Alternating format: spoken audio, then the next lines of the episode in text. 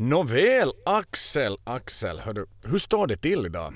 Det står bra till. Uh, fortfarande lite tömd i skallen efter uh, vårt förra avsnitt. Det höll i sig en tid. Det jag var gjorde det. väldigt trött var jag. Jag är öm i tungan. Ja, precis. Hoho. Ja, Nej. Det var en massiv satsning, det var det. Men det gav frukt. Det verkar ha liksom fått bra respons. Att det var, jo, jo, jo. Definitivt. Vi, vi gamblar ju lite och tänkte att vad fan, ingen liksom vid sina sinnesfulla bruk kommer ju att acceptera ett tre timmar plus avsnitt. Men Nå men, vad fan, det var ju Number of the Beast också, så att uh, kanske... Kanske, alltså någonstans tänker jag så här att skulle jag själv vara en lyssnare av den här podden och se att aha, nu har de gjort Number of the Beast, så skulle jag kanske tänka också att "Nå, men förstås är det tre timmar och 17 minuter långt. Sådär. Jo, nej men jag håller med. Alltså, lyssnar man på den här podden frekvent så är det ju så. Är du sen igen någon sån här som Nej, men som vi pratade om, Run to the Hills-köparen som har en biljett till Ullevi och kollar så lite på skoj, skummar igenom typ googlar en podd och säger ja ah, men de har gjort ett avsnitt om, om Number of the Beast och sen klickar på det och märker att det är tre timmar och 17 minuter långt. De kommer ju liksom bara rygga tillbaka. För de vill Ja, att det ska vara 35 minuter långt, max 22 Nej, kanske. Precis, 22 minuter. Jag träffade ju lite en sån typ i helgen. Faktiskt. Jaha. Okej, han var nog kanske lite, lite större fan, fan än eh, bara en enkel Run to the Hills-lyssnare. Han hade, han hade sett mig den ändå sju gånger live, tror jag. Eh, men nåväl, jag fann mig på en fest med en massa, vad ska vi säga på neutral svenska, handelsfolk, så att säga.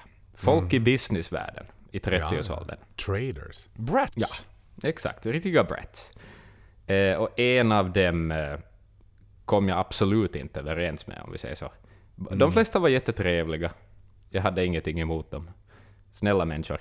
Eh, men en öppnade liksom samtalet med mig eh, med att förklara varför hans familj har så mycket pengar. Det var det första han sa. Eh, och det andra han sa var att dissa min klädstil. Okej. Eh, så att eh, det var ju en bra början. Så det var först eh. ett statement och sen liksom, sen spottade det rakt i ansiktet. Ja, ja, ja, exakt, precis. Så, eh, ja, men jag tänkte jag tänkte så här high road, high road ska jag köra nu. Hur Ehm, kommer vi in på Maiden? Ja, vi kommer dit. Um, High Road tänkte jag, så jag tänkte, "Nå, men månne inte vi har någonting gemensamt. Och lite senare då, så namedroppade han bara Maiden, ur ingenstans. Så då, då slog det mig att okej, ser du, ser du.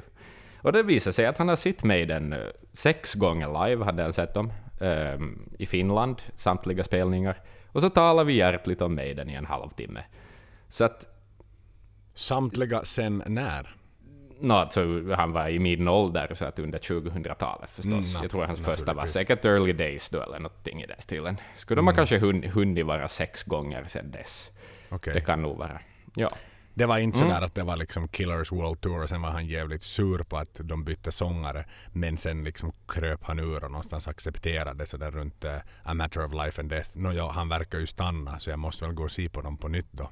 Nej, nej, han var inte så. Sån var han inte ändå. Nej, okej. men, det var, men det var ändå fint att se att Maiden förenar, trots att starten var lite sådär, lite skranglig. Men är han din vän nu? Nej, nej, jag vill aldrig prata med honom mera. Okej. Ja. Så, så vid ett sånt scenario, när vi ser honom, vi- vilket är, no, han kanske inte är utomlands, men säg att du, vi, vi stöter på honom nästa gång Mm. vi ser dem i Finland. Hur blir er, ert möte? Nå, kanske en liten nick, men jag tror inte desto mer än så. Nej, En, en nick, det kan jag ge honom. ja, okej. Mm. Nej, Men det är bra, det är bra. Så det är han, det är han värd ändå. Ja, ex, eh, exakt. Men, eh, han är låt- värd det, plus alla sina pengar han är värd sådär, vad han är god för. No, men exakt, precis. Ja. Men nu ska vi fortsätta prata obskyra saker. Sånt där som, det här kanske är ett avsnitt som han inte orkar lyssna på. Nej, det tror Ändå. jag inte. Och det här är ett sånt avsnitt då, som igen. Ja, exakt. exakt. Det var för långt det förra och det här är för obskyrt. precis. ja, för det handlar tekniskt sett inte om Maiden, det här avsnittet heller. Även om det ju nog gör det. Men ändå inte. Ja, men vi, vi, vi får ju hålla oss till vår röda tråd vi planterar riktigt i början. Att vi ska belysa Maiden från alla håll och alla kanter. Mm. Och nu är vi Exakt. ute på en sån där kant. Mm. Definitivt, definitivt. Relaterat till Maiden är det ju. Oh yes. I- Så. Ja, nej, men vi ska snacka lite Bruce Dickinsons soloarbeten ska vi göra idag. Vi ska inte ta oss an alla skivor, men vi tar oss an de första tre.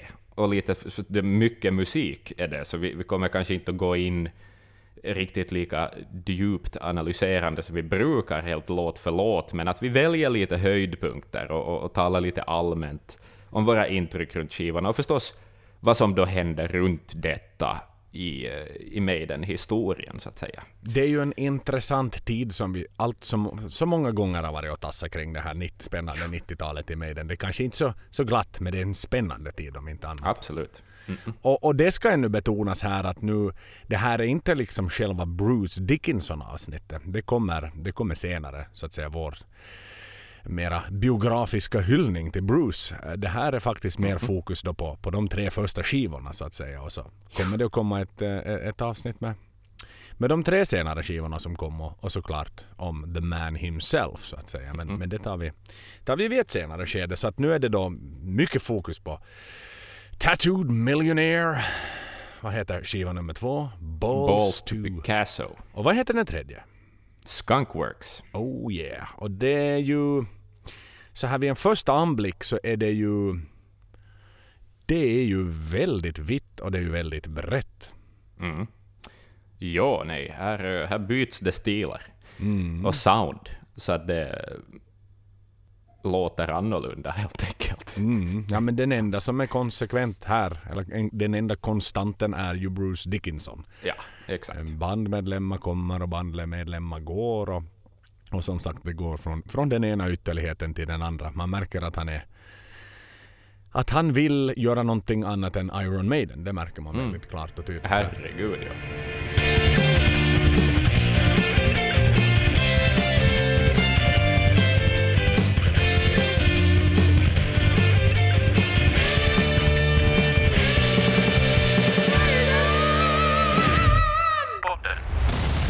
Ska vi ge oss i kast med, med den första, för hans debutskiva som soloartist. Det är Det alltså ska.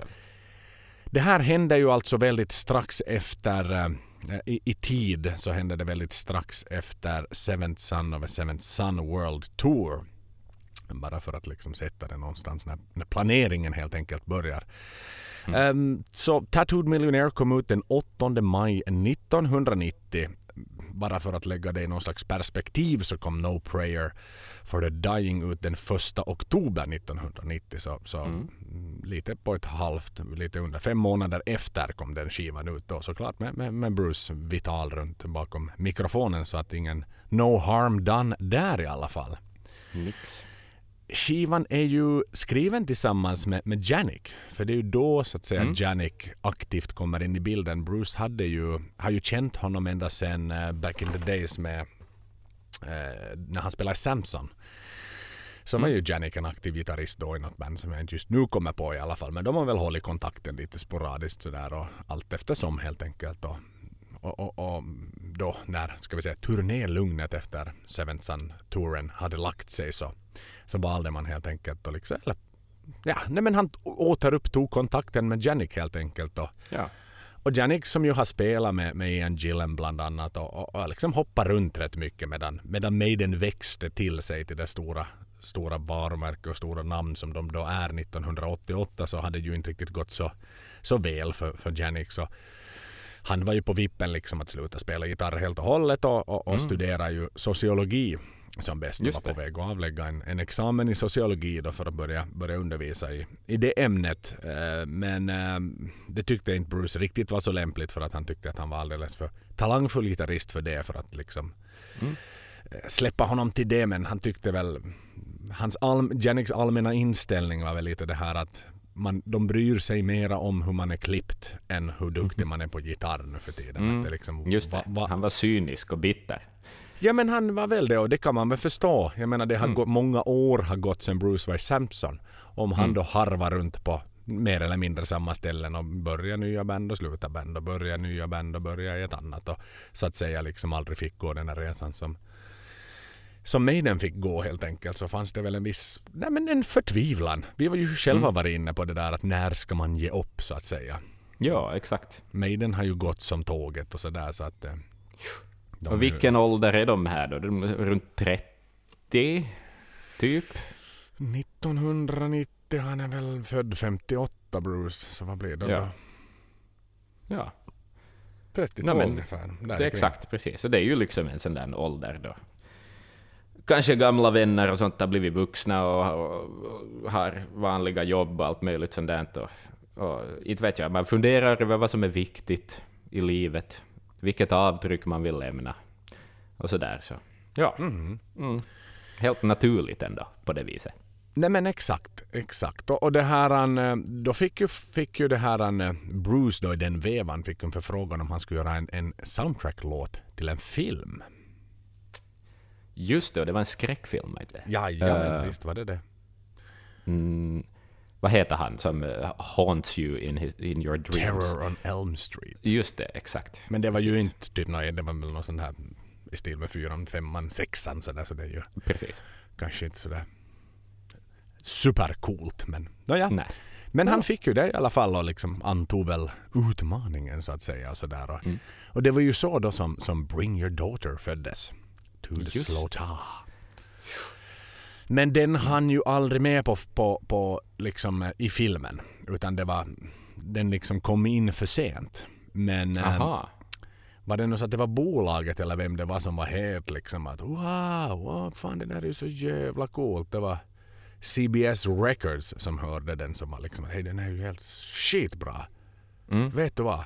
Ge Bruce ett solokontrakt liksom. Kom igen, kom igen. Så Mm. då kollade de ju med Bruce liksom att hej, har du, har du fler låtar? Mm. Ja, ja, men, ja, ja, men det är klart jag har det. Slappna av, slappna av. Det hade han ju inte då. Och ehm, så kom ju liksom då Janik sådär, för då ringde han upp Janik och var sådär att hej, vet du vad?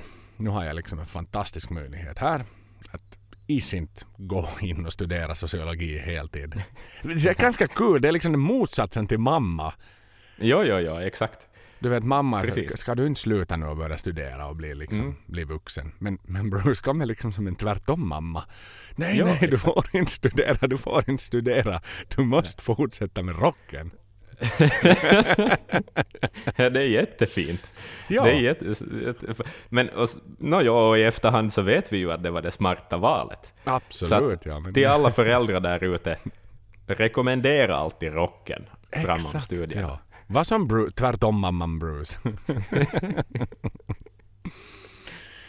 så i alla fall så då samlades ju de ihop eh, och började skriva låtar egentligen för den här skivan och de är ju mer eller mindre varenda låt eh, på skivan är ju skriven tillsammans av av Janik och uh, Bruce helt enkelt. Så att verkligen liksom trevligt att de, de startade varandra. Att det var inte så där att Bruce satt och skrev sitt och så fick han vara kompgitarrist Nej, nej, nej, exakt en intressant eh, grej så här att jag satt och började fundera eftersom ju de skrev så flitigt uppenbarligen Mm. för, för Tattooed Millionaire så blev jag liksom nyfiken och började bläddra framåt i katalogen fram till Book of Souls att hur många låtsamarbeten finns det mellan Dickinson och Gers. Just det. Mm, och det är inte hemskt många. Eh, det Mm. är tre stycken och de är alla på, på då Fear of the Dark-skivan. Ah, För att såklart Janik var ny på No Prayer for the Mm. Dying så då var det ju så klassiskt. Han skriver inte något där för materialet fanns. Mm. För att eh, Adrian slutar ju ganska snra- alltså Adrian slutar ju under pre-production till eh. No Prayer for the Dying. Så så att säga det var då han märkte att musiken tar inte hans stil utan det var liksom nu fortsätter Maiden i ett spår som jag inte vill vara med på. Och då var det Mm. lite bråk och lite högljudda diskussioner med Steve. Och han fick ju aldrig sparken men det var väl mera som Bruce själv har sagt eller uttryckte i sin biografi att Adrian gick in i ett hisschakt men där fanns ingen hiss. just det. Precis. Nåja, han målade in sig i ett hörn helt enkelt. Ja. Japp. Så att i alla fall då, så, så, att, så att säga då var ju den riktiga Maiden-skivan med Janik, det vill säga skiva nummer två för Janik, då fanns det ju en, en liksom, då plockade de fram det här Bruce Janik-skriveriet. Men sen i efterhand då på Brain New World, Dance of Death, A Matter Mm. of Life and Death, uh, Final Frontier och så vidare, så fanns det inte en endaste eh, kombination Mm. av dessa två herrar. De har skrivit ju för sig ihop med, med, med Steve, men Ja, de har, exakt. inte en, eh, de har ingen låt som de på In- tu man hand har skrivit. Nej, exakt. Men inte också... vet jag, kanske det fanns någon viss eh, risk där också, alltså i, i backspegeln med tanke på att Bruce hade went rogue i något skede och, och började göra egen musik, att musik som han och Janik skulle åta, åstadkomma skulle vara på något vis för omaidensk, eller någonting i den stilen. No, det är klart att det finns ju någon, Mm. någon sån, sån här farhåga kanske i, Ja. I, i Mr. Harris eh, ögon lite. För att de var ju lite någonstans där agents gone rogue även om då Janik Mm. uppenbarligen inte var, var liksom rogue då vid det, det skedet ännu. Men sen var ju liksom Janik är ju extremt lojal för det berättar ju Bruce då att när de då gör sin uppföljare, det vill säga Balls to Picasso, så var ju Janik väldigt liksom, då, då hade han liksom köpt in Maiden-konceptet helt och hållet så då hann han liksom absolut inte med någonting annat. Så att på så Nej. sätt så blev det ju liksom en... Det var den chansen sådär så att han var inte intresserad att jobba med Bruce vid det skedet sen när Bruce liksom sa tack och hej till Maiden. Nej, precis. Så att på den vägen är det. På den vägen är det. All, plattan i sig är ju inbandad i Battery Studios så det är ju en, en ganska bekant plats från, inte bara från Maiden utan till och med från förra avsnittet vi gjorde. Det var ju Ja, det, var det exakt. där Bruce hade audition och där som, som Maiden bandade in Number of the Beast. De hittade en producent, eh, Chris Sangiardes, eh, halvgrek tror jag han var. Mm. Eh, Han har ju haft jättebrett CV. Jag kollade upp det lite. Vad han har, vilka typer av artister han har jobbat med och verkligen också bred repertoar. Han har bland annat jobbat med Anvil, Mhm, Sabbath, just det. Baron Rojo. Minns du dem? Ah, ja, det minns jag från cover-avsnittet. Exakt. Vårt cover-avsnitt. Och sen en, e- ett band som jag tror du uppskattar väldigt mycket, Depeche Mode. Mm, just det. Ser man på. Vet du till och med vilken skiva? För jag, är, jag kan inte deras producenter utan till ändå. Men jag gillar ju synt, det ska ju Ja, ja, sägas. det, det vet vi ju. Ian Ja. Gillen, eh, Judas Priest, King Diamond, Samantha. Fox av allesammans också. Aha. Yngwie. Malmsteen, Halloween och Tom Jones. Så att det har ju liksom hela paletten Ja, ja, ja. Han är ju en bra producent i alla liksom, jo, jo. menar, Han har, inte liksom, han har inte låst in sig i ett, i ett hörn utan han har, Nej, han har jobbat på. han hade en tid före och en tid efter. Absolut. Ja. Så då, sådär. Eh, alltså, skivan är ju som vi var inne på så här en generellt alla tre skivor skilja, skilja sig, sig väldigt mycket från varann. Mm. Men också den här skivan rent isolerat den är ju ofantligt mångfacetterad. Ja, ja, ja den, har, eh, den har mycket, mycket innehåll. Ehm, mm. Vad ska jag nu säga? Ska vi ta den lite sådär, avhandla vad vi, vad vi tycker och, och vad vi säger om uh, Tattooed Millionaire. Ehm, Det tycker jag vi ska göra. Jag vill ännu bara tillägga hur eh, skivan så att säga kom till. För Mm. eller så här, vad var anledningen att Bruce bandade ett album tillsammans med Janik?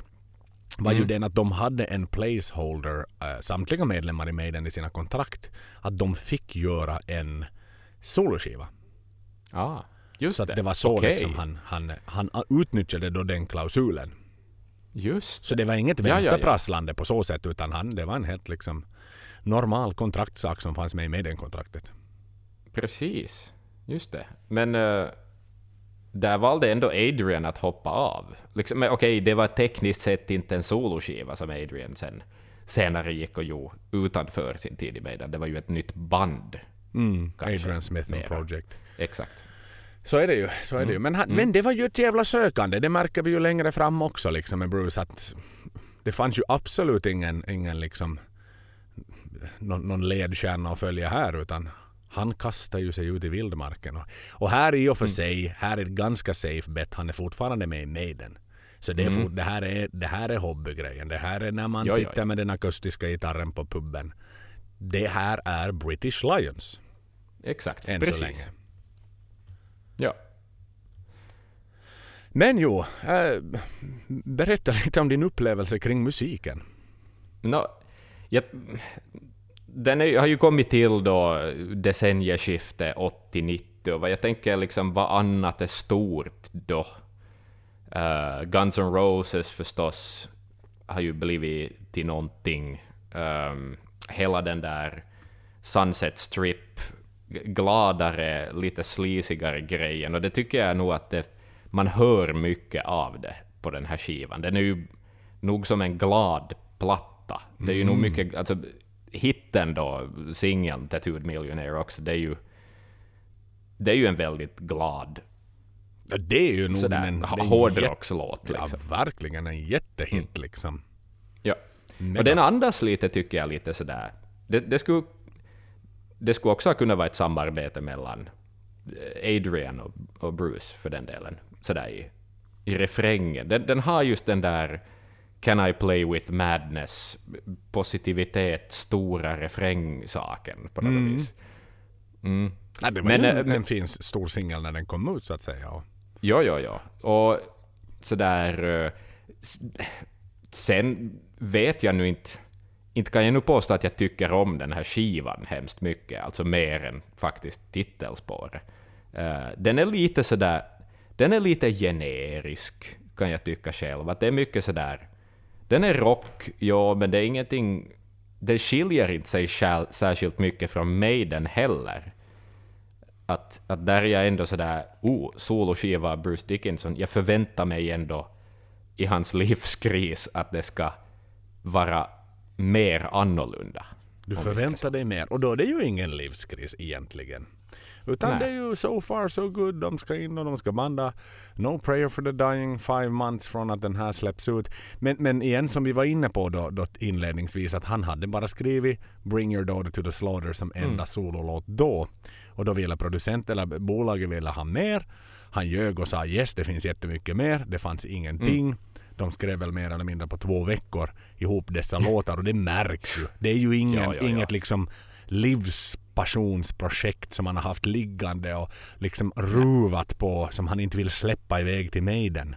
Utan sådär, han väntar tills ögonblicket. Det här har ju varit liksom rafs, rafs, rafs, rafs, rafs och då var det ju Jo, jo, jo, och så liksom- slänger man in en cover också. Exakt, dessutom. för det- en David Bowie-låt. För det var ju verkligen sådär att de hade liksom den här checkboken framme att okej vi har en AC/DC typ av låt, vi har en Rolling Stones-aktig låt, vi har en Mm. sån här lite mer groovy boogie-aktig låt, vi ska göra kanske en cover. Så det var ju liksom verkligen, de följde ett recept här, en kokbok. Och sen ska jo. det ju tilläggas att återigen då att den största hitten Bring Your Daughter to the Slaughter ju aldrig kom med på soloskivan eftersom den alla ju Steve beslag på. Ja, exakt. Och ska vi se framåt då också, så gick, var det ju en ganska stor hit för mig. Den. Deras enda Sådär. etta. Precis, precis. Bara en sån Så. sak. Men vi kommer dit, vi kommer dit och vi tar den skivan. Ja, men att, jamen. förstås. Men bara för att någonstans Ändå. sätta in det i sammanhanget. En Precis. låt som Bruce skrev för ett filmprojekt eh, som sedan ledde till att han gjorde sin första soloskiva blev Maidens enda singeletta. Bara- Det, Mm. det är mycket intressant sammanträffande. Det, det är det. Det är superskumt. Mm. Ja. Nåväl, äh, vidare om sådär. Ja, ja, vi bad ju varandra ta fram en slags topp tre-lista. Det kan vi, Ja, kan vi nej, men då är jag ju så över. pass... Jag är ju så tråkig här då, så att om vi, om vi tar en topp tre från... från liksom, e- om vi väljer en favorit per skiva, Mm. så, så väljer jag ju nog Tattooed Millionaire från den här skivan, för det är den bästa låten. Ja, du gör det. Ja. Jag har en topp Ja. tre per skiva jag samtidigt. Aha, du kör så, du kör så. Men kanske jag, jag lyckas väva ihop det eh, senare. Och Ja. min eh, Tattooed, och Tattooed Millionaire finns inte med på min topp tre på skivan. Jaha. Aha. Bara en sån sak. Du tänker så? sak. Jag tänker så. Jag valde faktiskt låten Hell on Wheels. Okej. Som, det här är no particular order på det sättet. Utan Mm. Det finns ingen ett till tre. Utan det här är en av de tre. Eh, Mm. För den är ofantligt mycket Aerosmith. Den, den, den Ja, doftar är sant. och ryker Aerosmith. Och den har en, den har en Den, väldigt den har cowbell. Har den cowbell? Ja, det har den. Det är så jätteskön och smutsig refräng. Mm. Eh, Men med fi, väldigt fina stämmor och, och liksom du vet, sen overdubbade gitarrsolon i refrängen. Mm. Liksom verkligen Mm. så här smutsa till det. Och, och riktigt så arg och frustrerad Bruce på sång. Han är, han, är, han är inte glad här. Här är han jättearg. Han är jätteilsken. Han är så Ja. arg för han vet vad som kommer på No Prayer for the Dying. Han är, han är klärvoajant. Nåväl, vi ska inte ge upp det heller. Um, också egentligen sådär om man... Han har en låt som heter Licking the Gun och en låt som heter Hulululu. Och de är ju också jättelikadana, typ Aerosmith. Det, det, det är liksom, de tre låtarna klustras ihop. Mm.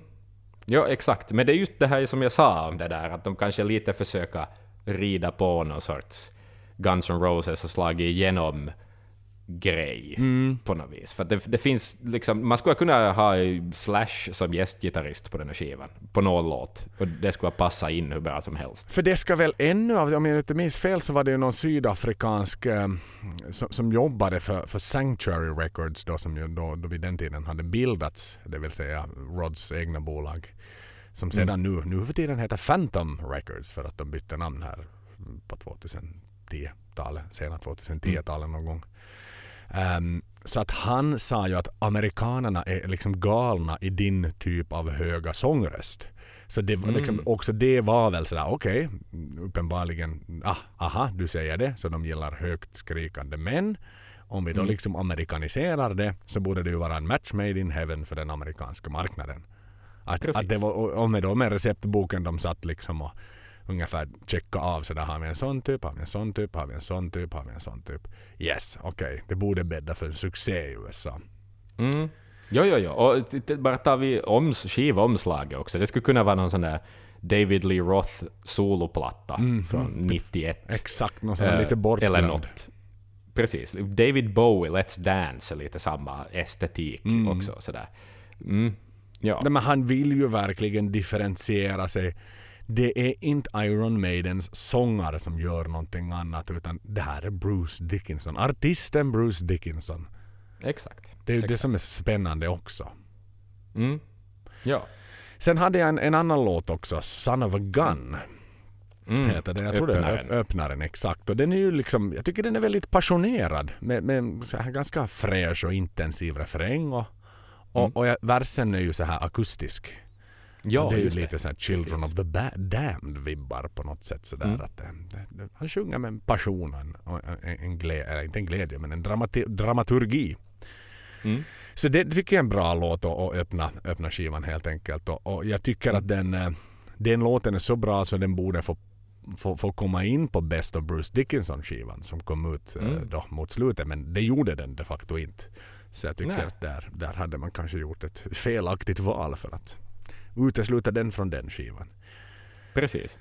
Ja, ehm, vad var det jag annat tänkte säga? Alltså, man märker ju ändå här att Bruce har någonting han vill säga. Liksom att det här ju, ta då titelspåret Tattooed Millionaire, han, han sjunger ju verkligen om sig själv på den här skivan.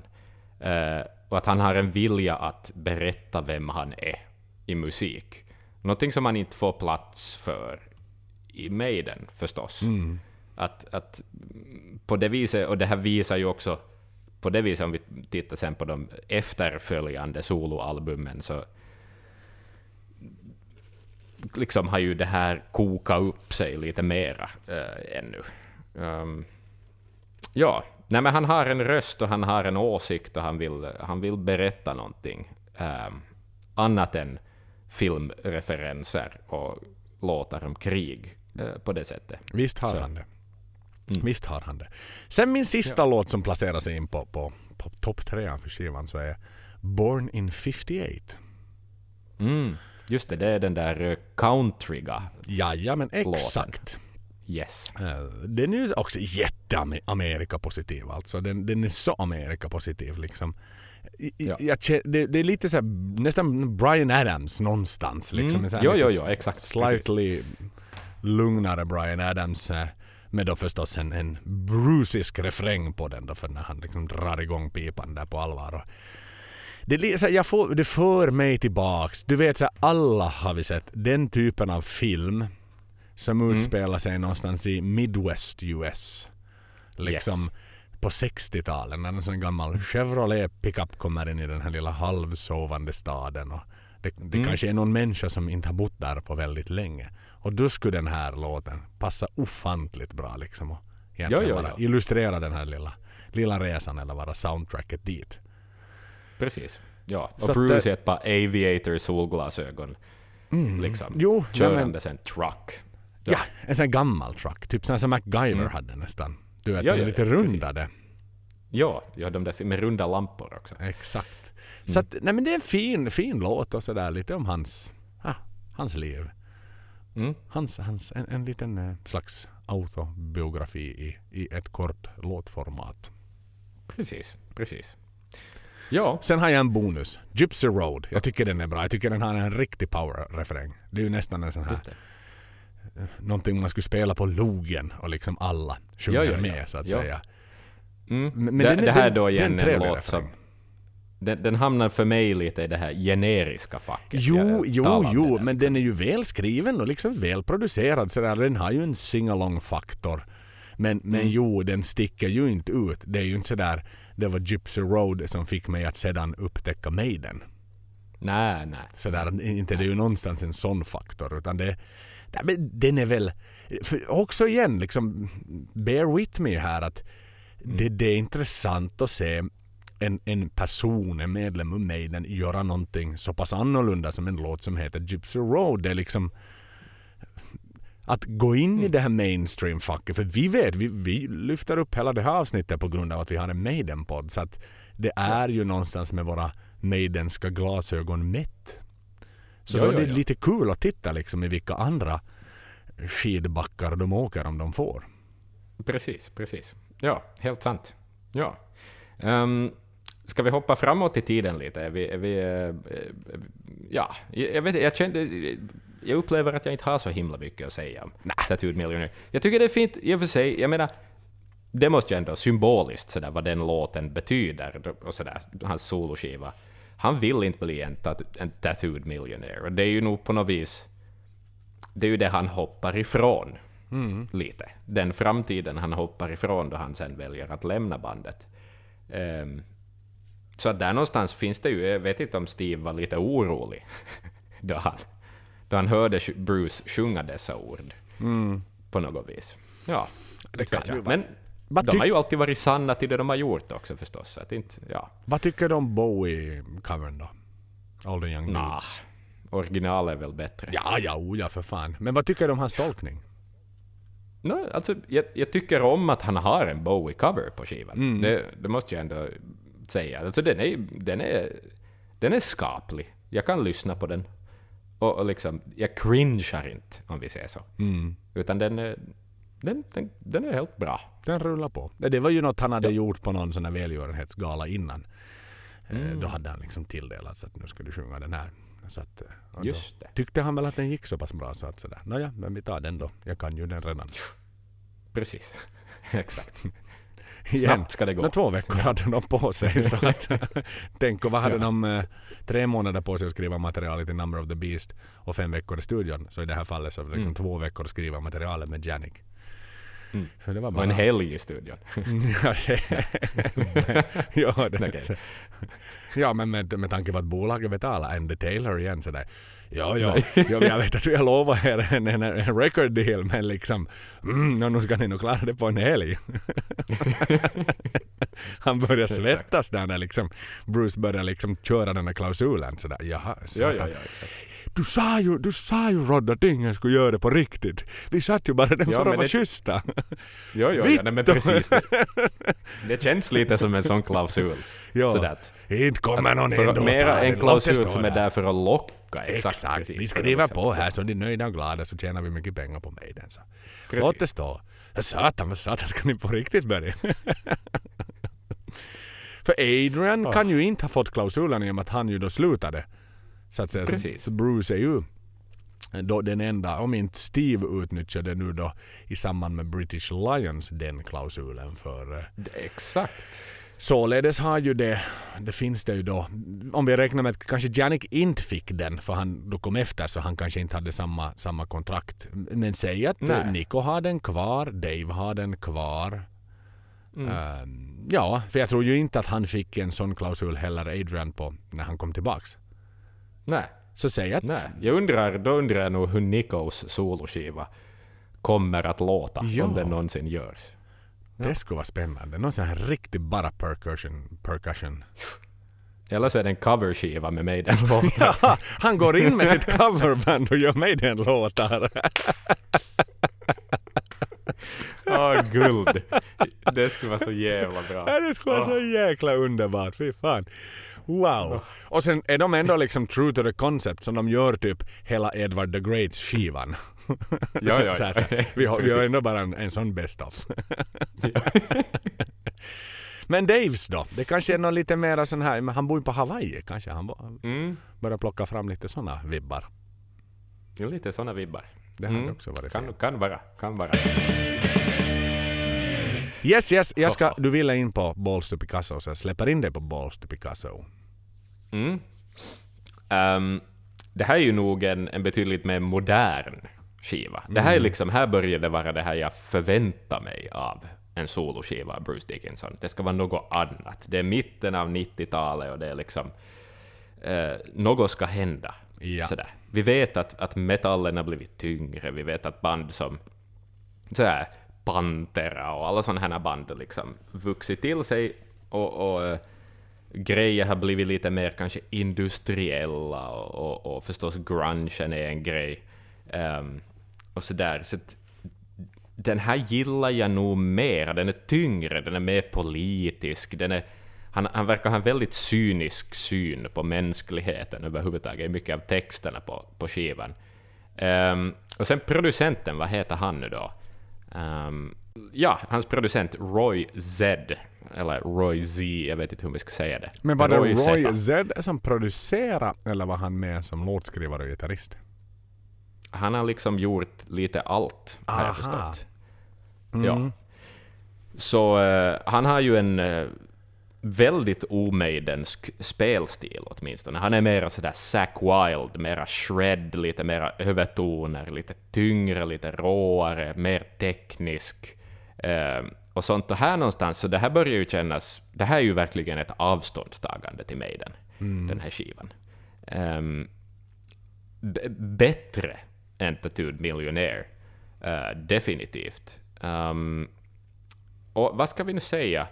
Um, här kanske jag nog får ihop det efter en, en uh, topp trea. Den, den absolut första som jag hade i alla fall på min lista är, är låten Hell No. Ooh, Eh, du valde den. för den, jag vet inte, den är tung och jag gillar just de där Zack Wildiska övertonsgrejerna som kommer på gitarren och och den, jag vet, den har attityd, jag gillar den bara. Det, det är någonting, um, någonting i den. Uh, Laughing in the hiding bush kommer nog definitivt med som en favorit uh, på den skivan också. Uh, någonting som jag förstod att uh, hela albumet, eller i efterhand har väl Bruce ångrat att han inte döpte plattan till det. Mm. Uh, och det var någonting som hans son hade sagt, eller någonting. Det var något så uttryck som han lånade av sin son. Ja, Men exakt, och han är ju dessutom med som, som låtskrivare på just den låten. För att han kom på Yes. namnet på, på låten. Mm. Ja. Eh, en annan, på då vi nu talar Laughing in the hiding bush, eh, så är det ju roligt, det här är en kul liten story, om uh, då de skulle fixa skivomslaget till plattan, eh, som väl då ännu arbetsnamnet var just Laughing in the hiding bush, Ja. eh, så eh, hade de, de hade inte råd att, betala konstnären för skivomslaget Jaha. Det är ett skivomslag med en sorts ökenmotiv. Det är som ett foto och så är det som ett stort klot av skrot mitt ute i öknen. Väldigt snyggt. Eh, men det skivomslaget for sen istället till Anthrax. Jaha. Eh, de, köp, de köpte det och, och släppte en skiva, Stomp 442, istället med samma omslag. För att Bruce, stackaren, hade inte råd. Det var som fan. Men alltså var han... Vi talar om tattooed miljonär, men var han liksom på, på röven som man skulle säga på ren och skär svenska här? Eller så var det en fruktansvärt dyr konstnär. Jag, jag vet inte riktigt. Uh, men och jo, jag menar, här är ju nog som kontraktet med Maiden slut då antar jag, och han är på egna fötter. Mm. Ja men vad fan, de har ju tjänat dinaros så det bara sjunger om det måste de ju ha gjort. Jag menar, hans hundra pund som han fick i lön måste ju liksom... Jag menar han... Han hade ju inte det det under Seven Sun. Nej. Sådär. Men det är ett väldigt ambitiöst artwork också det där som han inte då fick. Mm. Uh, sen kan vi ju säga att det var skivomslag han sen då valde att göra istället är ju betydligt billigare, om vi säger så. Ja, jo, det är väldigt det, sparsamt. Det, det, är ett foto med honom framför en vässa-vägg där de har skrivit Balls to Picasso på väggen. Ja, det var sådär. Which option do you want to go with?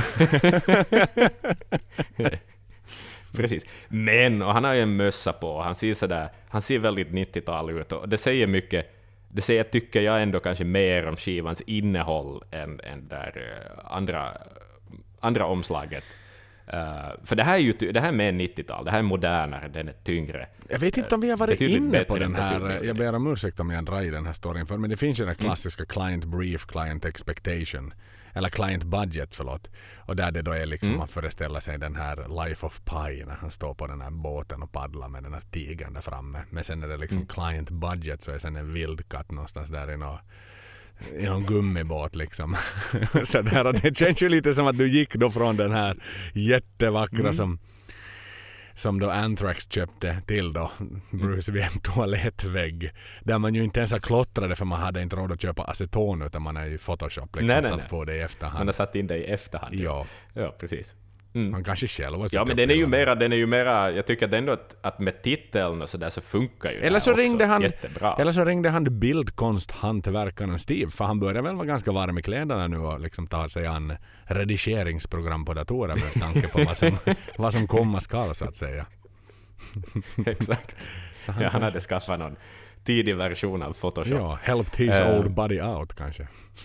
Precis. Det förtäljer inte storyn vem som har gjort fodralet till Balls to Picasso. Nej, okej, okay, men vad har jag nämnt? Jag, Hell No, uh, Laughing, Laughing in, the, in hiding bush. Tredje säger jag nog kanske öppningsspåret, Cyclops. Den är cool också. Den är, den är så mörk. Mm. Och just industriell trumsound, det där liksom öppningsspåret på skivan, trummorna kommer igång och man är sådär det här är ett nytt trumsound, det här är ett 90-tals trumsound. Det är den där virveln, den är såhär piccolo-virvel, mm. eller någon tight spänd virvel, sådär som man inte gjorde. Lite kakburk. Sådär. Ja men exakt. Ja men det, det, det är nice. Ja men jag har också, jag har Cyclops har jag, har jag på min lista då, för jag tycker också den är, den är väldigt progressiv och den, den är ganska episk rockmetall. Den är väldigt mm. lång låten och intressant, behaglig och väldigt så här följsam. Man lyssnar gärna på den och, och, när den då väl klingar ut så hade jag inte haft något emot om den hade snurrat på lite till så att säga. Det, en bra spännande låt, verkligen en uppdatering från samtliga låtar egentligen på Tattooed Millionaire. Uh, mm. Jag hade också Laughing in the Hiding Bush för det, det är ju liksom hit, rock, rock hit. Mm. Jag vet inte vad man ska säga ja, men liksom precis. väldigt sådär ja äventyrlig, lite Adriansk låt kanske. Mm, mm, mm, definitivt. Jag skulle säga att det är starkaste låtstrukturen på hela skivan. Ja. Sådär. Det är väldigt liksom ja, ja, genomtänkt och välgjort från start till finish. Och bra dynamik liksom mellan refräng och vers och, och solon och sådär. Så det är bra. Det, var, det är ju Austin Dickinson då av Bruce söner som var personen i fråga då som, som, som så att säga satte namnet på på låten. Sen har jag min, eh, kanske den världens mest sämst, eller världens sämst hållna hemlighet eh, för min del så är ju nog att Tears of a Clown eh, smyger ju nog in här. På mm. så sätt att eh, det är ju ändå en, en hit som karaktäriserar Bruce Dickinson även idag. Så att ja. säga. Det är ju en... Alltså den här... Uh, balladen. Andra Uh, shoot all the clowns, är det den du tänker nej, på? Tears of a clown. Nej, nej förlåt. Aj, Tears of the Tears Dragon, vad fan? Tears of a clown yes. är ju för fan... Den kom ju sedan. Men, Absolut, men ja, den är ju också väldigt Bruce. Jag yrar. Jag, jag hade mitt önsketänkande att han redan då liksom ska komma tillbaka och istället för att göra X-Factor så ska de göra ett helt sjukt bra album. Det är kanske det som är liksom så här. Mm. Jag blir liksom lost in time and space. Nej men såklart Mm. Tears of a Clown för fan från Book of Souls. Men eh, exakt, Tears of the Dragon är ju nog en, en, bra låt. Alltså det, Ja. det är ju en av två riktigt, riktigt bra ballader. och då skulle jag säga ja. att det inte bara är Bruce mått mätt utan i alla mått mätt bra ballader. Ja, ja, ja. Definitivt. Jag har ju en sån här, den bygger...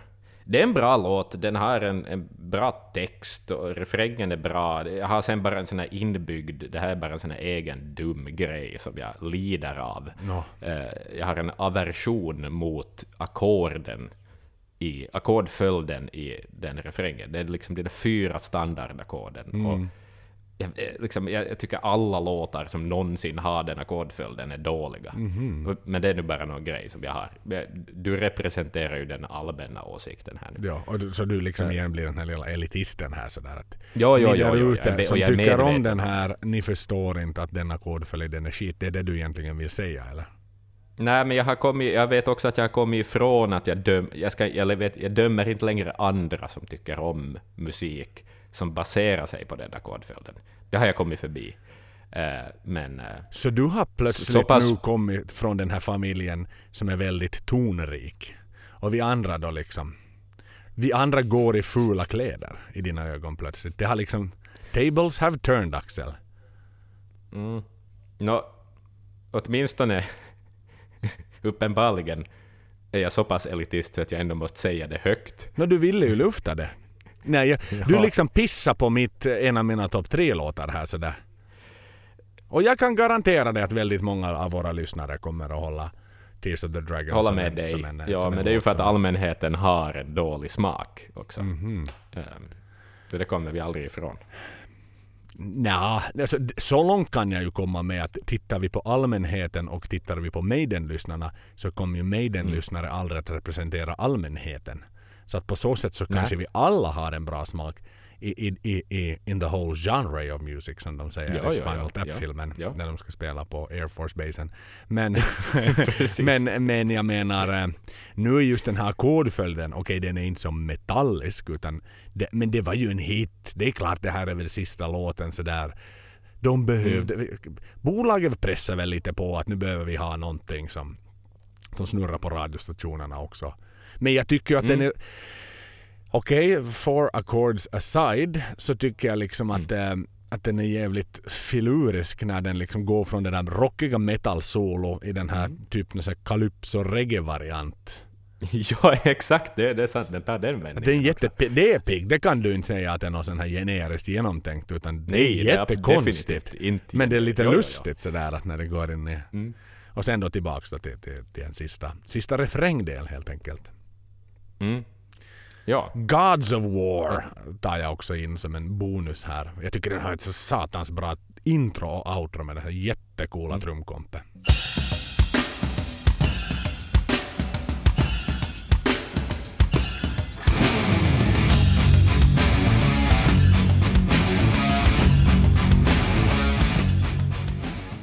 Mm, definitivt. Och det är ju också en sån där politisk låt på något vis. Mm. Att han, han- är lite cynisk, Ja. Bruce.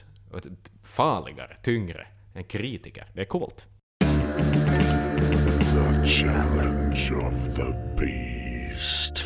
All right, dags för eh, att testa din allmänna kunskap om olika saker, Joel. Ah, vad spännande. Mm. Och vad väljer man då för tema då vi snackade här? Det var lite krångligt, men sen slog det mig att det är ju rakt framför mina ögon. Här, jag har tre frågor, och de ah, berör ämnen som tatueringar, Picasso och avslutningsvis skunkar. Såklart. Ja. What Givetvis. else? Så att vi börjar med tatueringsfrågan. Um, Tatueringar har gått en lång väg från att bara bäras av sluskar och gängmedlemmar, men en stor del av den klassiska tatueringskonsten härstammar ändå från gäng och eh, så att säga maffiakulturen. Vilket av följande motiv har inte ett ursprung i kriminella kretsar? Eh, det första är ett spindelnät. Det andra är numret 211. Och den tredje är en tår under ögat. Tåren känner man ju till från olika filmer. Så den skulle jag väl nog nästan låsa dit. Om inte ändå är helt fiktiv. Men jag säger att den finns med. 211 är ett så specifikt, en så specifik nummer. Så därför tror jag också att den är där. Spindelnätet känns väl lite fjantigt i ärlighetens namn. Så jag väljer bort den. Ja, det skulle jag också ha valt bort, för det har jag sett på så fruktansvärt mycket folk. Faktum är att det är lite av en kuggfråga. Samtliga av dessa har sitt ursprung i kriminella kretsar. Spindelnätet är en rysk gängtatuering, eh, och den, den ska då eh, representera att du har suttit i fängelse. Men det har ju blivit en sån här standardtatska som väldigt många har. Eh, nummer 211 är alltså en, en kod för om man sätter in det i alfabetet så, så får man då bokstav 2 och 11, eh, vilket då blir BK, det vill säga en blood killer. Du är alltså en crip som har dödat en Bloods-medlem. Ehm, och en tår under öga så är att du eh, har, dödat eller försökt döda någon. Eh, och det är en sån här f- fängelsetatuering helt enkelt. Oftast får du den i fängelse. Så att om du är en, en om du liksom är en poser som kommer in i fängelset för första gången med en tårtatuering så kan du bli ganska illa behandlad för att då vet de att det är fake. Ja, och det tror jag det blir på en arbetsintervju också. det, det också. Det också. Uh, Okej, Ja. tema nummer två. Picasso, den här är lite lättare. F- för att det är den uppenbara frågan. um, vilken stilepok räknas Pablo Picassos mest kända konst till? Renässansen. Mm, alltså mera kanske stilmässigt sådär. Hur, hur, hur ser en Picasso-målning ut? Färgglad. Den färgglada Mm. epoken. Är den realistisk eller abstrakt? Den är surrealistisk. Mm, Okej, du börjar närma dig där. Men det kanske han är mest känd för är kubismen. Natur- Mycket var, fyrkantiga jotton. nu tycker jag att du bromsar mig för snabbt. Jag hade ju kommit dit om du hade liksom... Jag var ju på väg att borra mig in. Ja, okej, färgglad- Ja. Men jag tyckte ändå att jag hade, jag hade gett dig för många Ah, ledtrådar redan. alltså i min värld är färgglad surrealism lika med kubism. Mm, sant. Surrealismen och kubismen är väl ganska samtida i och för sig, så ett halvt poäng Thank you. kan jag ge dig. För han var ändå surrealist också. Okej, avslutningsvis, det bästa tema, givetvis. Skunkar. Okej, det här är bra grejer. Um, skunkar är berömda för att spraya ut ett illaluktande moln från närheten av sitt anus. Lukten kan en människa känna av på flera kilometers avstånd, men ett djur väljer ändå att ta striden med skunken. Kan du gissa vad det är för ett djur?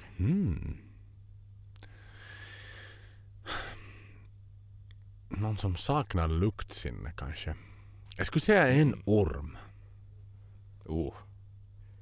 Det är nog in, inte alls ett dåligt... eh, det, det kan mycket väl vara en orm, men eh, under mina tre minuter på Wikipedia för att förbereda den här frågan så, så kan jag säga att Wikipedia-artikeln i alla fall säger att det är en uggla. Aha. Den heter eh, Virginjauv.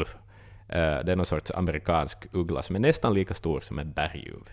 Men fittas ugglor mycket med skunkar generellt? Är det ett, Nej, men är den det är liksom, den, den, är det, den är skunkens enda nemesis. men är det liksom ett problem riktigt. i djursamhället sådär?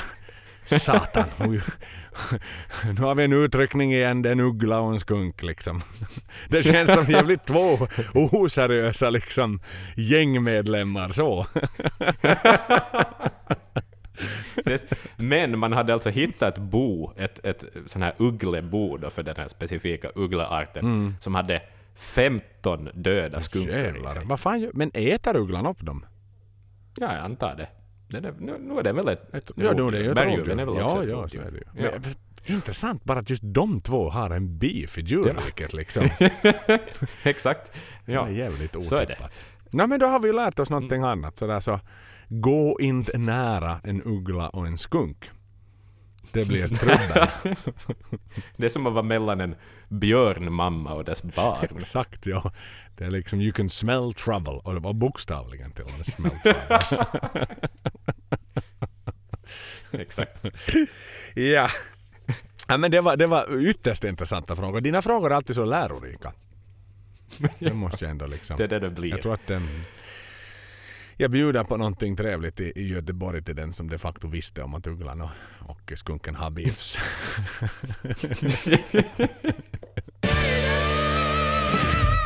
Podden. Vad som ju hände egentligen så där, Kanske vi ska gå in lite snabbt så där vi, vi, vi har um, Skunkworks kvar då som skiva men, men um, i samma veva vi kommer att ta det här med Bruce avsnitt men, men han var ju i LA då och bandade in de facto Balls to Picasso eh, när han då kom underfund med att han vill inte längre vara Iron Maidens sångare. Så Rod flög över och, och, och han frågade liksom att vill du ha the good news or the bad news first då? Och, och the bad news var ju obviously att han ska sluta i Maiden. Och eh, det var ju en massive blow naturligtvis för, för, för Maiden såklart och Rod liksom ville sköta det själv så han pratade med Steve och, och sådär och ville inte att Bruce skulle, skulle ringa och berätta det så att eh, således på det sättet. Men det som ju är ändå är, är liksom värt kanske lite att lyfta fram är ju Sarajevo-konserten som Maiden de facto gjorde. Mm. Den är ju så pass, vad ska vi säga, pionjärisk och, och, och, och djärv och märkvärdig på många sätt och vis att en västerländsk rockstjärna åker in i en krigszon för att spela en konsert. Det är ju så, så jävla nobelt av Bruce alltså. Ja, liksom att han, han, där är det liksom, ja, ja men vet du, vad ska försäkringsbolaget säga?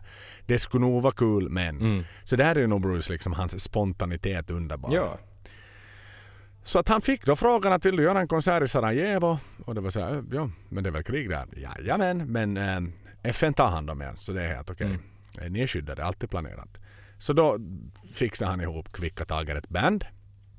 Uh, åkte, åkte iväg, tog med sig all utrustning förstås och, och- landade i Split med ett, eh, med ett eh, flygplan. Det var eller liksom, obviously med ett flygplan men det var en, en, en eh, kommersiell flygplats då så det var inte bara liksom helt annekterat av militären utan och då var ju som tanken att de skulle egentligen åka helikopter in direkt i, i Sarajevo då och klä ut sig liksom med, med FN-kläder på så att säga för då är man ju lite safe i alla fall. Liksom. Man, är inte, man är inte på de två stridande beefarnas sida så att säga. Så att, eh, Varken skunken eller ugglan.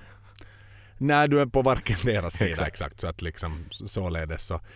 Men då, då eh, var det något problem för den där eh, helikoptern skulle ut på något uppdrag och, och, och det var dessutom dåligt väder så de skulle liksom skicka tillbaka dem direkt på samma flyg tillbaka till, till England eller varifrån de nu flög in till Split. Ehm, men, men inte var de nu jättesugna för då hade de någonstans lite bestämt sig för att okej att nu är vi nu här. Och vi har kommit hit för att genomföra det här gigget och, och så var det sen då finns det några andra alternativ då. Och eh, då hade de liksom hittat någon sån här eh, organisation som eh, kör liksom hjälpsändningar och, och är liksom typ privat chaufföring eller vad man nu ska säga liksom för de eh, The Serious Road Trip hette de. Att de liksom typ gör barn glada. Liksom far ungefär runt och har sen lite cirkuskonster. Liksom, vilket ju behövs ja, en ja. rådande krigssituation med ransoneringar och misär och hemskheter och liksom du försöker leva ett normalt liv men det är jävligt svårt för att skottsalvorna liksom smättrar och på över dina huvuden och, och det kanske inte finns ett hem att gå till efter skolan så barnen behöver ju försöka ha något som är lite skoj. Så de fick ju liksom då åka med i den där, deras lastbil och den var ju liksom knallgul målad med några seriefigurer på, några Obelix och Asterix och, och sådär liksom. Och Så den syntes ju väldigt bra men det var ju samtidigt lite sådär att okej okay, det är inte en måltavla för oss att skjuta Nej. på. För det är liksom what idiots would come like that liksom i ett kamouflage. Precis. We don't kill idiots liksom ungefär. Nej. En trojansk häst. Ja men verkligen ja. Eller det är klart att i krigszoner så man släpper ju fram vissa typer av transporter Mm. helt enkelt. Liksom, att det, är ju, det är ju liksom hela syftet med det. Ja. Det. Det är inte så svart och det är inte så vitt utan det finns alltid en massa andra organisationer och människor och representanter som är med och eh, helt enkelt övervakar strider. Precis. Observatörer och sånt. Så att i alla fall så då åkte de liksom med med eh, fick hoppa in i lastbilen helt enkelt och, och dundra iväg och, och till sin liksom roadtrip som skulle vara i tio timmar där på fla- flaket så fick de två backar öl av liksom Mm. arrangören sådär så att nu försök nu sova här lite i alla fall. Och de skulle upp för, upp för något berg då som, som, som då liksom separerar Sarajevo då från, från liksom Split Mm. därifrån de skulle och, och eh, liksom rulla upp för det där berget då. Helt enkelt som de nu borde göra och sådär. då. Det tog ju lång tid och, och var liksom väldigt branta vägar och sådär. Mm. Visste ju inte så mycket. Ibland körde de tydligen de där rutterna utan lamporna på Ah. också just för att man inte skulle liksom synas för fienden. Så, där. så det var ju en riskabel aktion i sig naturligtvis. Och, uh, Nåväl, de, de då kom in till en sån här checkpoint. eh, checkpoint Bravo 1 som den hette då där de sen skulle liksom få åka in i eh, armored vehicles egentligen liksom för att då ta sig in i, i, i själva Sarajevo då, vilket de ju då gjorde naturligtvis och, och inga konstigheter med det utan men, men det var ju då liksom de verkligen såg den här totala misären Mm. som fanns i Sarajevo för den var ju liksom den var ju verkligen avstängd staden Sarajevo. Full strid pågick, hade väl eh, typ ransonering för tre dagar Mm. åt gången och då var det ju liksom när man äter jättesparsamt. Och, och de där människorna som befann sig där liksom det är svårt att föreställa sig Ja. liksom den, Mm. de- den vardag och den liksom med så många föräldrar som verkligen har dött. Så Mm. många pappor som har varit ute i strid och tappat sina liv. Mm. Att liksom komma in i ett isolerat samhälle, en isolerad stad i, i bergen. Där du inte har någon möjlighet att ta dig bort och inte kanske in heller. Nej. Och kanske inte vill heller för det, där, det är ditt hem, det är där Mm. du har ditt jobb, det är där du liksom ska försöka leva ditt liv. Mm. Att det är klart, det måste ju nog ha varit ögonöppnande. Ja. Och igen så jätte liksom nobelt. Mm. Jag vill inte kalla det djärvt utan snarare nobelt. Att han, han, inte fick han ju något gage. Det där gjorde de av egen liksom fri vilja. För att de, de ville göra någonting gott. Ja. De ville... Men bara ponera så här. Du är isolerad.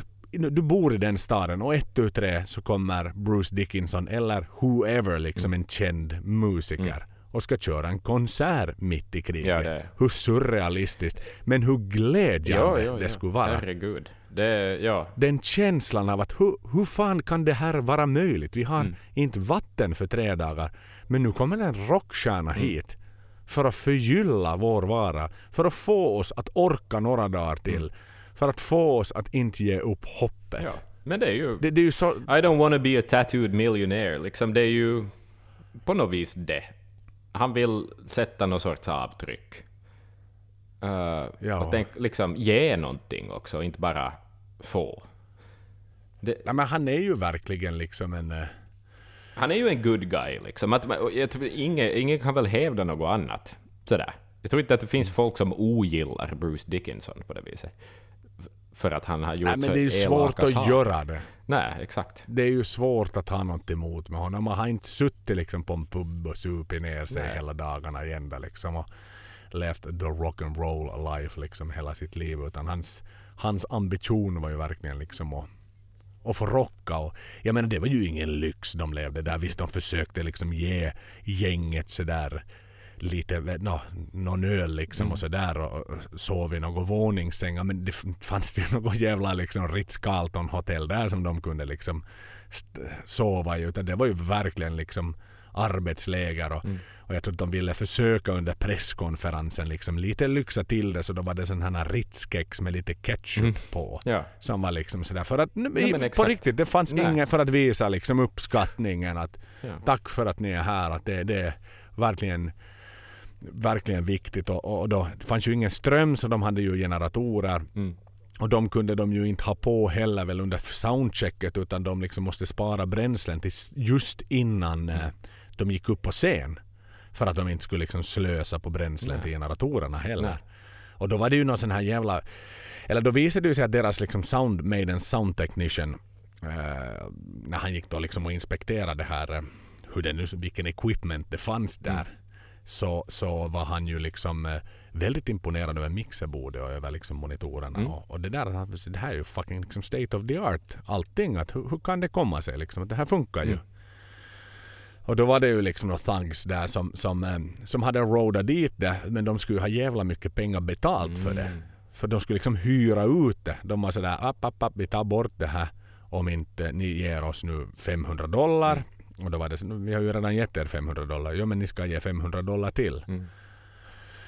Och, eh, och då skulle också förbandet då, det var några lokala förband från Sarajevo då som skulle liksom ge motsvarande summor. Att de, de var ju bara där för att äska pengar liksom och tigga. Vilket är så war is hell. Ja. Men någonstans liksom så var ju det där också, men what the fuck liksom det här är ju ert folk, det är Sarajevo-borna. Ja. Ni liksom håller på att ta möjligheten att få se konserten av. Mm. Men eh, ja, det, det löste ju sig såklart till slut. Mm. Men eh, Ja, men då är det... och, och konserten var väldigt lyckad och, och, och eh, liksom det var frid och fröjd är väl fel ord att säga för det var liksom satans rådande krig och det var hemskt men, men, men de tog sig förstås levande därifrån. Och, Mm. och, och det, det, det kan nog förstå att det där är nog säkert någonting som har märkt Bruce verkligen Mm. för livet. Ja, så är det nog. För han, han sa väl det där sen när han då liksom hela vägen tillbaks till England och satt på tåget tillbaks hem till London. Liksom att när han då satt och tittade ut genom tågfönstret. Mm. Bara liksom den här kontrasten. Att här är det liksom fågelkvitter. Mm. Ingenting händer. Bara brittisk landsbygd. Mm. Från att ha varit i en sånt liksom ja, vad ska man säga, en sån Armageddon Ja, ja, ja. som de de facto har funnit sig i. Ja, War is hell. War is- War is hell. ja. Jag som... Och det var ju nog ett particularly bad war det där också. Ja, Det var ju nog så satans smutsigt krig det där. ja. Många sidor involverade och massgravar och hej och hallå. Ja. Så det var ju inte snyggt. Nåja, det var det. Eh, Men eh, Mm. så där, det, det, jag, jag vill ändå tycka att vi ska lyfta fram den här storyn för det var liksom så pass märkvärdigt Ja. ändå liksom att... Och no, igen, Nobelt är väl liksom, jag trillar hela tiden tillbaks på Ja, ja, ja, Min det är det enda ordet. respekt för Bruce växer ju verkligen i sån här sammanhang. Ja. Och att han då liksom mot till och med de här FN-människorna i Splits liksom vilja var sådär, nu har vi kommit hit, nu får vi ta oss dit på något annat Mm. sätt då. Och de var sådär, men vi kan inte garantera säkerheten. Och, och det var ändå sådär att, ja, ja men vi kör på Ja. nu. Vi kör på nu. Nej men det är nog... Det är nog... eh, Det är ädelt.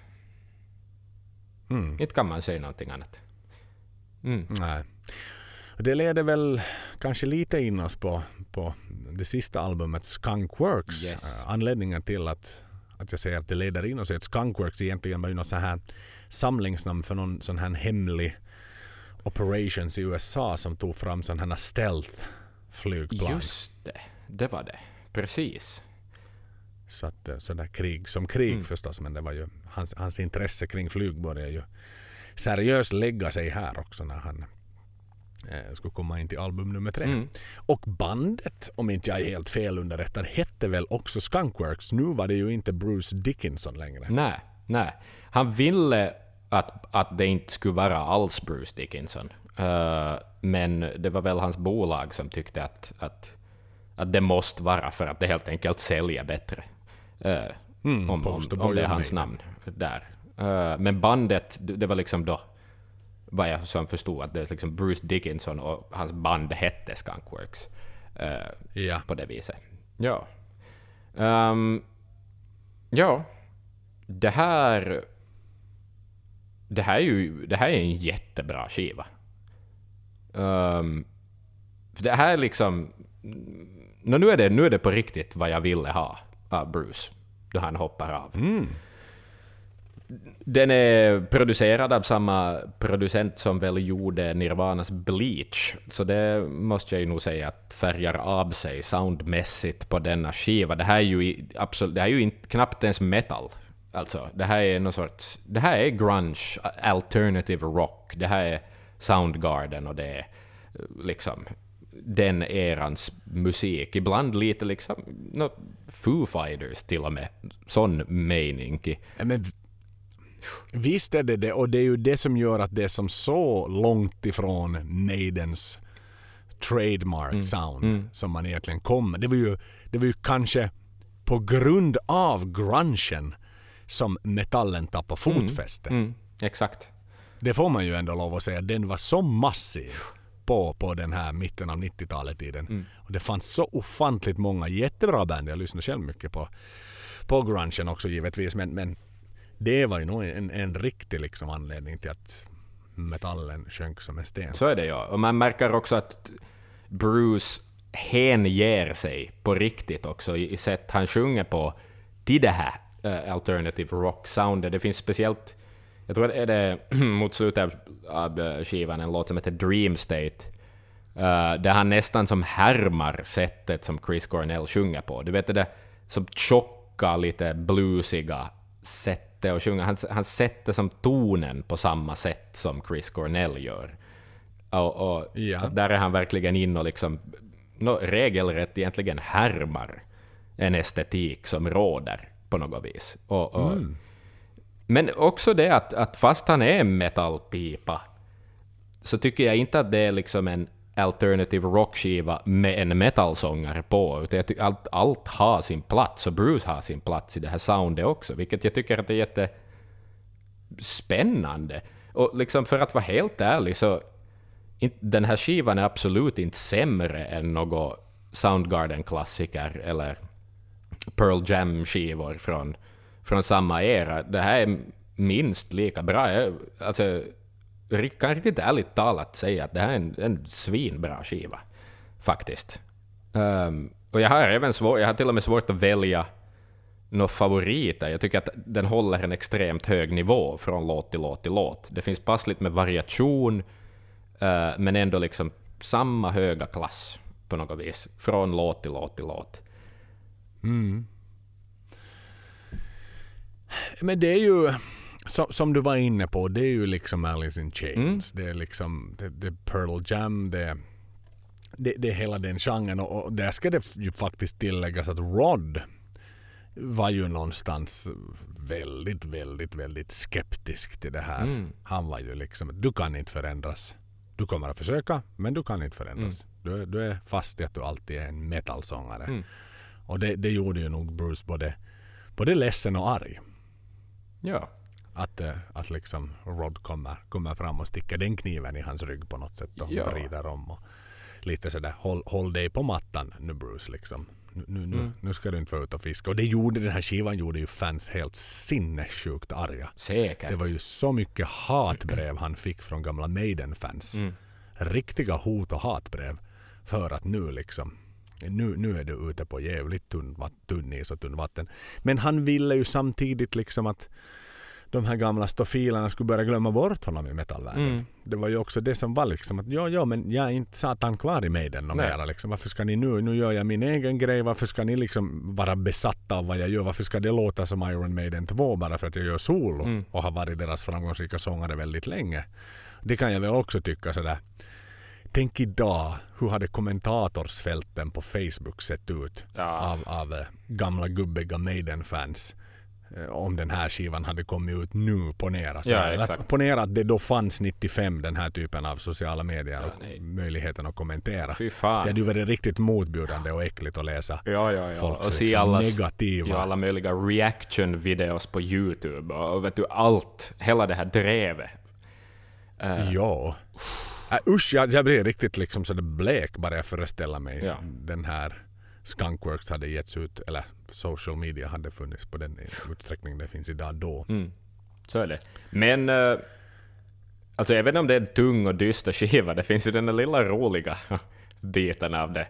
Eh, Back from the Edge var väl som singel på, den här, på det här albumet, men de släppte på något vis en någon sorts ut, singelutgåva med den låten och några andra, lite som en EP eller något sånt. Uh, Mm. Och där finns en låt som heter I'm in a band with an Italian drummer. Um, Jajamän. Ja. Det är som så, han, det är så, så här brittisk humor. Vet du, nu gycklar vi något.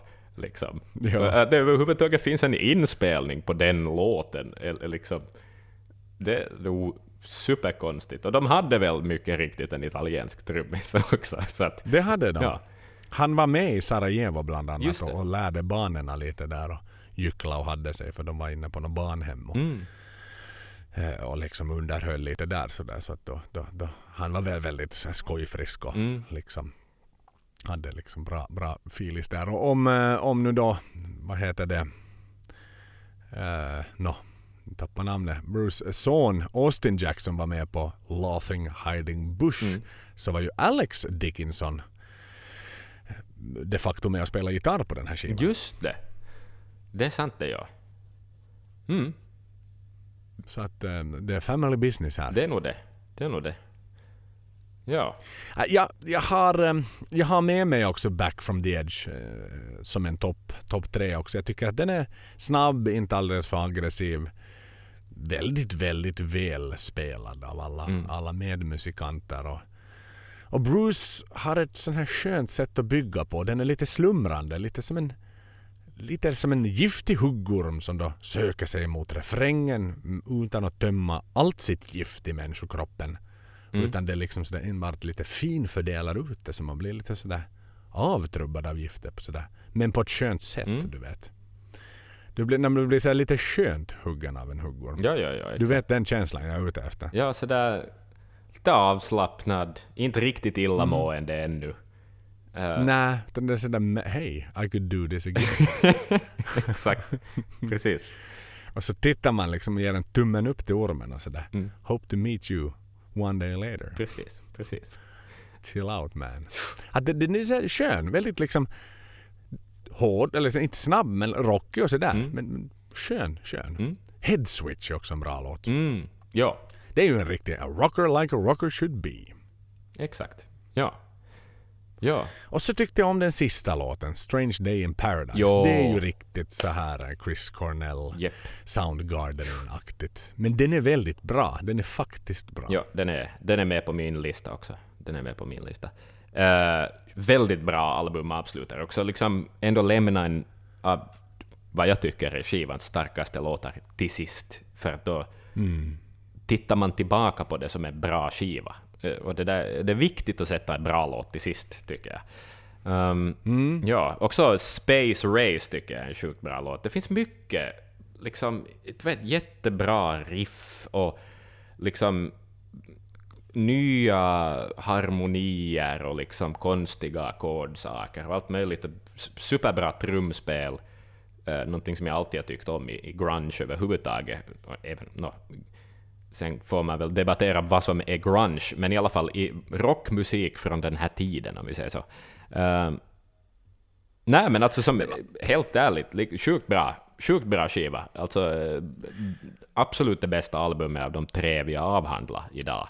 Eh, Och det ska väl sägas att den här ju mottogs väldigt med, med liksom svala mm, recensioner och, och, och sålde väl inte väldigt bra heller. Och Bruce har väl själv nu i efterhand kanske också reflekterat sådär att det var en satsning jag gjorde. mm, Eh, Den bar inte riktigt frukt för sen då på följande tre album som vi kommer att ta vid ett senare skede så kommer vi att höra en betydligt mycket mera metal liksom sound. Så att han, han liksom gick ju tillbaka.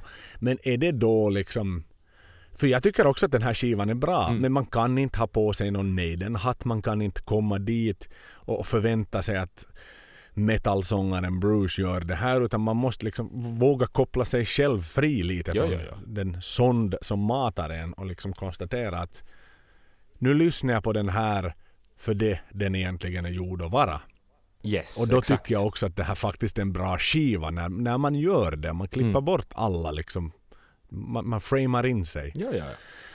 Men, men det är synd att den då tog uppenbarligen så mycket släggor och liksom Mm. så mycket skit och, och, och slag och så här att det, att det uppen, uppenbarligen skrämde bort Bruce helt enkelt till att göra flera av den här typens eh, låtar Mm. och, och, och skivor. För att som, som, som sagt han är, tar en helt annan sväng sen på följande tre plattor. Så är det. Men jag tycker... Men det, ja, det var vågat, det var friskt vågat. Det var det. Och jag, jag menar, är man en artist så ska man... Man ska få... Man ska inte stagnera. Det är liksom... Jag värderade högt att han gjorde det här. Och om det var viktigt för honom så var det bra att han gjorde det. Och, och uppenbarligen så gjorde han det även bra. Det är liksom inte, det är inte en halvdan liksom Pearl Jam-kopia heller, utan den har ändå, den är bra producerad, låtarna är välskrivna. Och sådär liksom objektivt så är det, tycker jag ändå, eh, absolut inte något fel på musiken. Så att i alla fall kan han, nu- om man nu även har lite ånger på något plan, så kan han åtminstone se tillbaka på det och konstatera att han gjorde ordentligt. Det gjorde han och nu ska det nu satan tilläggas att i de här knutarna så vad kommer ut från Maiden? Mm. Jo, ingenting annat än motherfucking X-Factor. Ja, men precis. Så började vara redo och den som kunde spolas ner eller Jo, jo, jo. Det här är ju en skiva som är spolas ner i en toalett. Precis, och den här är ju bättre producerad än X-Factor. Mycket bättre producerad än X-Factor. Den kan man ju inte ens prata om produktionsvärde Nej. på. Nej. Sådär så att eh, här liksom är det ju nog eh, här kan man ju inte som de här som skriver hatbreven och någonstans Mm. följer med Maiden väldigt långt ner in i gyttjan dit de är på väg just nu. Så är det ju lite svårt att motivera. Är det någon avundsjuka? Är det, det, det måste ju vara den här bitterheten att varför gick du Bruce? Det är på grund av dig som Maiden är på väg ner i den här jävla träsket. Mm. Ja, med- exakt. med- Du, du med övergav ett sjunkande skepp istället för att Ja, st- stå med, med kaptenen. Liksom. Ja, exakt. exakt. Eller kämpa för att få ut det där jävla vattnet så att den Mm. flyter igen. Ja. Nu är det ju kul, nu sitter vi med facit på hand så vi vet vad som hände sen. och Mm. Ja, jag skulle säkert, varit, säkert skulle jag ha varit arg på 90-talet också. Helt det säkert. Jag skulle ha avskytt det här. Helt, helt sådär med att... Nåja. Nu råkar jag vara Men så ung så att jag inte behöver. och, och, det där. och så gillar jag den här... Jag gillar alternativ rock. Jag alltid gillar, liksom, ja. Alla de här banden som på något vis ligger i bakgrunden till den här skivan så är bra musik. Så att, inte mig emot. Det här var kiva att lyssna på. Ja men det var cool, det var ett trevligt lite annorlunda avsnitt Mm. nu sådär. Det var inte 100% Maidenskt utan det enda Maidenska referensen här är att det är Bruce Dickinson som är sångare på dessa tre album. Men, men eh, som vi sa inledningsvis så ska vi belysa allting och jag Mm. tänker väl att vi kanske försöker klustra ihop eventuellt Adrians projekt tillsammans med British Steel och något sånt här vid något skede också för att så att säga ge dem rättvisa. Ja. Men jag tänkte ta, ta det här eh, lite kortare avsnittet i, i akt också och, och slå ett slag för våra Patreon-följare som, som faktiskt växer stadigt. Vi får alltid några till. Och ni vet vem ni är och vi är ofantligt tacksamma Ja. för det. Vi är jättetacksamma för det och det ger oss en möjlighet, en liten peng till att försöka hitta den här jävla lokalen i Göteborg så att vi får vårt livepodd inbandat. Vi har ännu inte hittat någon. Vi har kollat med Trädgårdsföreningen och lite kringliggande ställen sådär men, men det har inte gett napp, det har varit bokat.